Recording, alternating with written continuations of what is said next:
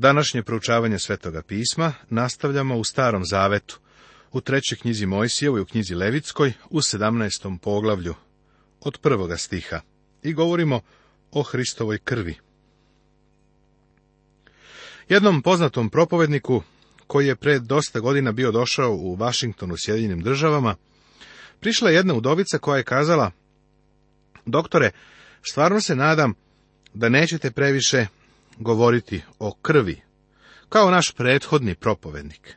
A njegov odgovor je bio poučan. Gospođo, neću previše govoriti o krvi. Ona ga je prekinula. Drago mi je da to čujem. Zatim je on dodao, o krvi se nikada ne može previše pričati. Pregled Mesto za žrtvu, vrednost krvi, poglavlje 17. Pod jedan. Jedno mesto za žrtvu, stihovi od 1. do 6. Pod 2. Greh okultnog obožavanja jarca, stih 7. Pod 3. Prinošenje žrtve kod šatora od sastanka, stihovi 8 i 9. Pod četiri, Obaveza da se ne jede krv, stihovi od 10. do 16. Jedno mesto za žrtvu. Još te reče gospod Mojsiju govoreći, kaži Aronu i sinovima njegovim i svim sinovima Izraeljevim i reci im. Ovo je zapovedio gospod, govoreći. Ovi saveti nisu važili samo za Arona i Mojsija, nego i za Aronove sinove, kao i za ceo izraelski narod. Očigledno je da se Bog sada seže u lični i intimni život ljudi on ne samo da je napravio razliku između čistih i nečistih životinja u 11. poglavlju, nego sada postavlja propise po kojima te čiste životinje treba jesti. Život njegovog naroda je morao biti drugačiji od života neznabožaca koji su bili oko njih. Ovo im je ponovo kazano u sljedećem poglavlju, kao što ćemo i vidjeti. Kogod od doma Izraeljeva zakolje vola ili jagnje ili kozu u okolu, ili kogod zakolje izvan okola, a ne dovede na vrata šatora od sastanka, da prinese prinos gospodu pred šatorom gospodnjim, kriv je za krv, prolio je krv, zato da se istrebi onaj čovek iz naroda svoga. Zato sinovi Izraeljevi neka dovedu žrtve svoje, koje bi klali u polju, neka ih dovedu gospodu na vrata šatora od sastanka k svešteniku i neka prinesu žrtve zahvalne gospodu. I sveštenik neka pokropi krvlju po oltaru gospodnjem na vratima šatora od sastanka i salo neka zapali na ugodni miris gospodu. Prosto čujem kako neki od vas pitaju, o čemu on ovde u stvari govori? Ovo je još zakon i ne odnosi se na obredno prinošenje žrtava. Kada ovo pažljivo pogledaš, zapazit ćeš da su ove životinje bile namenjene za ishranu Božjeg naroda. Drugim rečima, Bog traži da ga narod poziva na sto za obed. Ovim činom neznabožački bogovi su bivali isključivani. Zašto je Bog u ovome bio tako rigorozan? Ako su hteli da za večeru jedu jagnjetinu, morali su da ga prvo dovedu do vrata šatora od sastanka, i da ga tu zakolju. Možda neki od njih nisu želeli da im komšije znaju da će imati društvo. Možda su neki od njih zaboravili da pozovu taštu na večeru. Sve ovo nije bilo važno. Životinju su morali da zakolju kod šatora. Ovo se radilo tako zbog njihove prošlosti. Vidiš, među neznabošcima meso se prinosilo idolu pre nego što bi ga pojeli. Bog je tako postavljao prepreku koja ih je sprečavala da krenu drugim putem idolopoklonstva, duhovne tame i suda. Kada su živeli tamo u Egiptu, iako su bili u ropstvu, bili su idolopoklonici kao i Egipćani. Bog ih nije izbavio zato što su bili superiorni. Bog ih je izbavio jer je čuo njihovo zapomaganje i jer je svoje obećanje dao Avramu, Isaku i Jakovu. Kada Bog sklopi savez, on ga i održi. Kako znam da su Izraelci u Egiptu bili idolopoklonici? Pa tako što to kaže sveto pismo. Onoga dana podigo im ruku svoju da ću ih odvesti iz zemlje Misirske u zemlju koju sam pronašao za njih, gde teče med i mleko, koja je dika svim zemljama. I rekoh im, Odbacite svaki gadove ispred svojih očiju i nemojte se skrvniti o gadove bogove misirske, i ja sam gospod Bog vaš. Ali se odvrgoše od mene i ne me poslušati. Nijedan ih ne odbaci gadova ispred očiju svojih i gadnih bogova misirskih ne ostaviše. Zato rekoh da ću izliti jarost svoju na njih, da izvršim gnev svoj na njima usred zemlje misirske. Ovo je zapisano u knjizi proroka Jezekilja u 20. poglavlju. Bog se trudi da ih izvuče iz bedne prošlosti u egipatskoj zemlji. Tamo su obožavali životinje, a prolivanje krvi i žrtvovanje mesa je korišćeno u idolopoklonstvu. Čovek treba da shvati ovu prošlost da bi uvideo važnost Pavlove zapovesti, upućene Korinčanima, u prvoj poslanici Korinčanima u osmom poglavlju, i u desetom poglavlju. Korinčani su bili idolopoklonici. Donosili su životinje i prinosili su ih svojim idolima. Tu bi ostavljali životinje, a meso je nošeno u hram i tamo na tržnici prodavano. Najbolji file minjoni mogli su tada da se kupe u neznabožačkom hramu, bila je to lokalna samoposluga, mesnica. Do vremena Novoga Zaveta pobožni Izraelci su bili tako učeni da ne kupuju meso koje je priloženo idolima. Obraćeni pripadnici drugih naroda nisu imali nikakve sumnje i nedoumice u vezi sa uzimanjem mesa, koje je prinošeno idolima, jer su shvatali da idoli nisu ništa. Ali jevrijski hrišćani nisu želeli da jedu sa hrišćanima iz drugih naroda, zbog ove razlike u stavu prema mesu, koje je prinošeno idolima. Vidiš, ovo poglavlje treće knjige Mojsijeve nam daje pozadinu za taj odaljak iz poslanice Korinčanima. Zanimljivo je zapaziti da kada je Veliki Jerusalimski savet doneo odluku, Jakov je govorio u ime grupe i rekao je, stoga smatram da ne treba uznemiravati one koji se od mnogobožaca obraćaju Bogu, nego da im se piše da se uzdržavaju od idolskih pogani i od bluda i od udavljenoga i od krvi, kako je zapisano u delima apostolskim u 15. poglavlju. Bog je vernike iz drugih naroda učio da je život svet. Hteo bih ovdje da spomenem da je ubijanje životinja radi hrane još povezano sa neznabožačkim obredima među indusima i Persijancima. U stvari, Izraelci su u pustinji jeli vrlo malo mesa. Mislim da događaj sa prepelicama to potvrđuje. Narod se žalio što nema mesa za jelo, pa su vikali, ko će nam dati mesa da jedemo? Ovo je važilo za sve stare narode, pa čak i danas narodima na istoku nedostaje meso. Neki su čak i vegetarijanci. Na vratima šatora od sastanka trebalo je ubiti čistu životinju koja se koristila u ishrani. Krv je tu trebalo proliti. Krv se prolivala po oltaru, a salo je prinošeno kao ugodan miris. Ovo je bila žrtva pomirna, zahvalna. Ostatak životinje se vraćao vlasniku i on je mogao da je spremi za svoju trpezu. Sada vidiš zašto su jevrejski vernici zamerali pripadnicima drugih naroda što jedu meso kupljeno u neznabožačkom hramu. Greh okultnog obožavanja jarca I neka više ne prinose žrtve svoje đavolima, za kojima oni čine preljubu. Ovo neka im bude zakon večan od kolena na koleno. Već sam spomenuo da reč đavoli u ovom stihu doslovno znači dlakavi ili jarci. Ista reč je upotrebljena u drugoj knjizi dnevnika u 11. poglavlju. I postavi sebi sveštenike za visine i za đavole, doslovno jarce, i za teoce koje načini. Tako je Jerovom, sin Nebatov, naveo Izrael na greh. Ovo se odnosi na obožavanje prirode na degradaciju i razuzdanost koje su bile povezane sa Bogom Panom. Bog svome narodu govori, ne radite to, dovedite tu životinju pred vrata šatora od sastanka. Zato je za prekršaj postojala tako ozbiljna kazna. To čitamo u četvrtom stihu. Kada budu ušli u obećenu zemlju, detalji će se promeniti, ali je princip o kome se ovdje govori večan.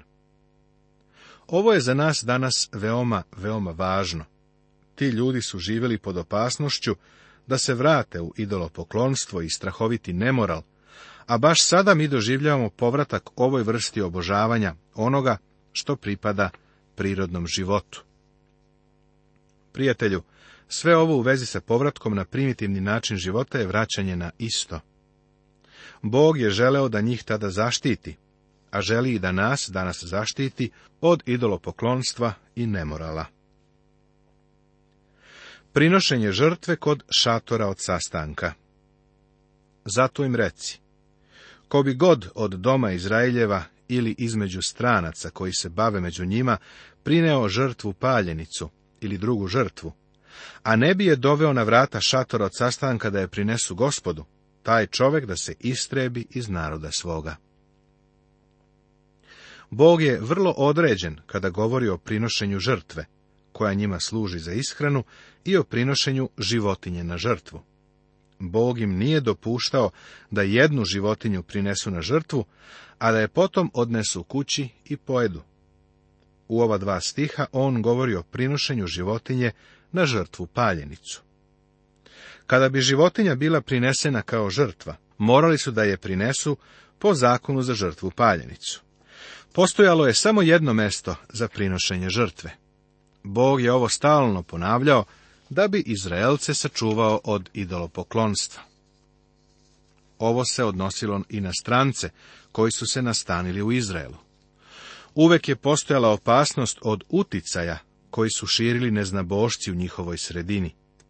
Tada je postojala tendencija da oni pribegnu neznabožačkim putevima, a ne da neznabošce zadobiju za gospoda. Danas nam se ovako kaže, zato, mili moji, bežite od idolopoklonstva, kaže prva poslanica Korinčanim u desetom poglavlju.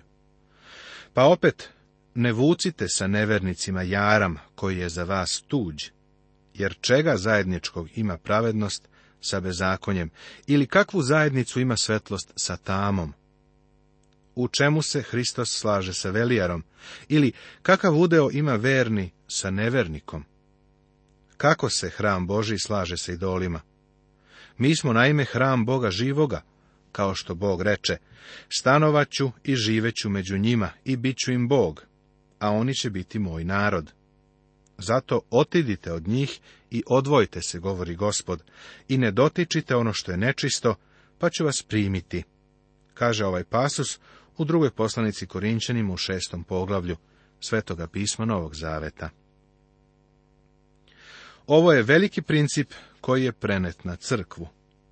Postoji opasnost od združivanja sa nevernicima u religiji, politici, braku, poslu ili društvenom životu. Bog je u svojoj reči na ovo upozorio. Obaveza da se ne jede krv. Ako bi god od doma Izraeljeva ili između stranaca koji se bave među njima jeo kakve god krvi, okrenut ću lice svoje nasuprot onome čoveku koji bude jeo krvi i istrebit ću ga iz naroda njegova.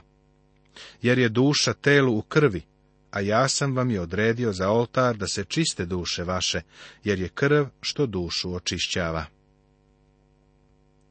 Stih 11. smatram ključnim stihom ove knjige. U krvi je život, ovo se ponovo ističe u stihu 14. Ovo je osnova svih žrtava. Zato rekoh sinovima Izraeljevim, niko između vas da ne jede krvi, ni došljak koji se bavi među vama da ne jede krvi. I ko bi god između sinova Izraeljevih ili između došljaka koji se bave kod njih ulovio zverku ili pticu, koja se jede, neka iscedi krv iz nje i zaspeje zemljom. Jer je duša svakoga tela krv njegova, to mu je duša. Zato rekoh sinovima Izraeljevim, krvi ni jednoga tela ne jedite, jer je duša svakoga tela krv njegova. Ko bi je god jeo, da se istrebi. Isus Hristos je rekao nešto vrlo zanimljivo. Ko jede moje telo i pije moju krv, ima život večni. I ja ću ga vaskrsnuti u posljednji dan, jer moje telo je pravo jelo i moja krv je pravo piće. Ko jede moje telo i pije moju krv, ostaje u meni i ja u njemu, kaže Evanđelje po Jovanu u šestom poglavlju. Pošto je život tela u krvi, Isus kaže da u veri treba da prihvatimo njegovu krv prolivenu za naše grehe i onda primamo život. Isus je prolio svoju krv i dao svoj život. Život je u krvi. Ovo je velika, večna istina. Ovo nam objašnjava zašto je Aveljeva žrtva bila bolja od Kainove. Krv dovodi do očišćenja duše. Krv Hristova je jedino što može da opere greh. U krvi nema ničeg grešnog ni uvredljivog. Greh je ono što vređa. Poglavlje 18. Tema Osuđeni nemoral Proširivanje sedme zapovesti sve do sada davani su nam zakoni o obrednom očišćenju. Pravila su regulisala religijski ritual. U poglavljima 18., 19. i 20. nalazimo poseban odeljak koji deset zapovesti primenjuje na životne situacije. Bog se sada bavi moralnim aspektima života svoga naroda. Prijatelju, sada prelazimo na konkretne, praktične detalje. Ovaj deo započinje uvodnim delom, prvih pet stihova, a završava se formalnim postskriptumom na kraju 20. poglavlja. Ovo sve je vrlo značajno, jer nam pruža razlog za restrikcije i propise društvenog života Božjeg naroda. Živimo u vremenu kada su moralni temelji srušeni i uklonjeni. Podrugljivi skeptik pita, ko donosi pravila i ko određuje šta je dobro, a šta progrešno? uvodni deo i post skriptum nam daju dvostruko objašnjenje. Prvo, u uvodnom delu u stihovima drugom, četvrtom i petom reč Božja kaže Ja sam gospod. Bog daje pravila. Kršenje deset zapovesti je pogrešno, jer Bog kaže da je pogrešno. I drugo, post skriptum nam daje drugi razlog. I bit ćete mi sveti, jer sam ja svet, gospod, i odvojih vas od drugih naroda, da budete moji. Bog traži da njegov narod bude svet. Čistota u svim životnim situacijama je Božja zapovest. Ovo poglavlje se bavi prvenstveno sedmom zapovešću. Vrlo detaljno se govori o tome šta se podrazumeva pod preljubom. Seksualni gresi su tema. Ovo su gresi koji obeležavaju dekadentno društvo i propadanje i pad carstava pregled. Nemoral je osuđen. Proširenje sedme zapovesti, poglavlje 18. Prvo. Uvod u društvene zabrane, stihovi od 1 do 5. Drugo. Zabrana seksualnih odnosa sa rođacima, stihovi od 6. do 16. Treće. Zabrana različitih seksualnih greha, stihovi od 17. do 20. Četvrto zabrana žrtvovanja potomstva Molohu, stih 21. Peto, zabrana seksualnih perverzija, stihovi 22. i 23.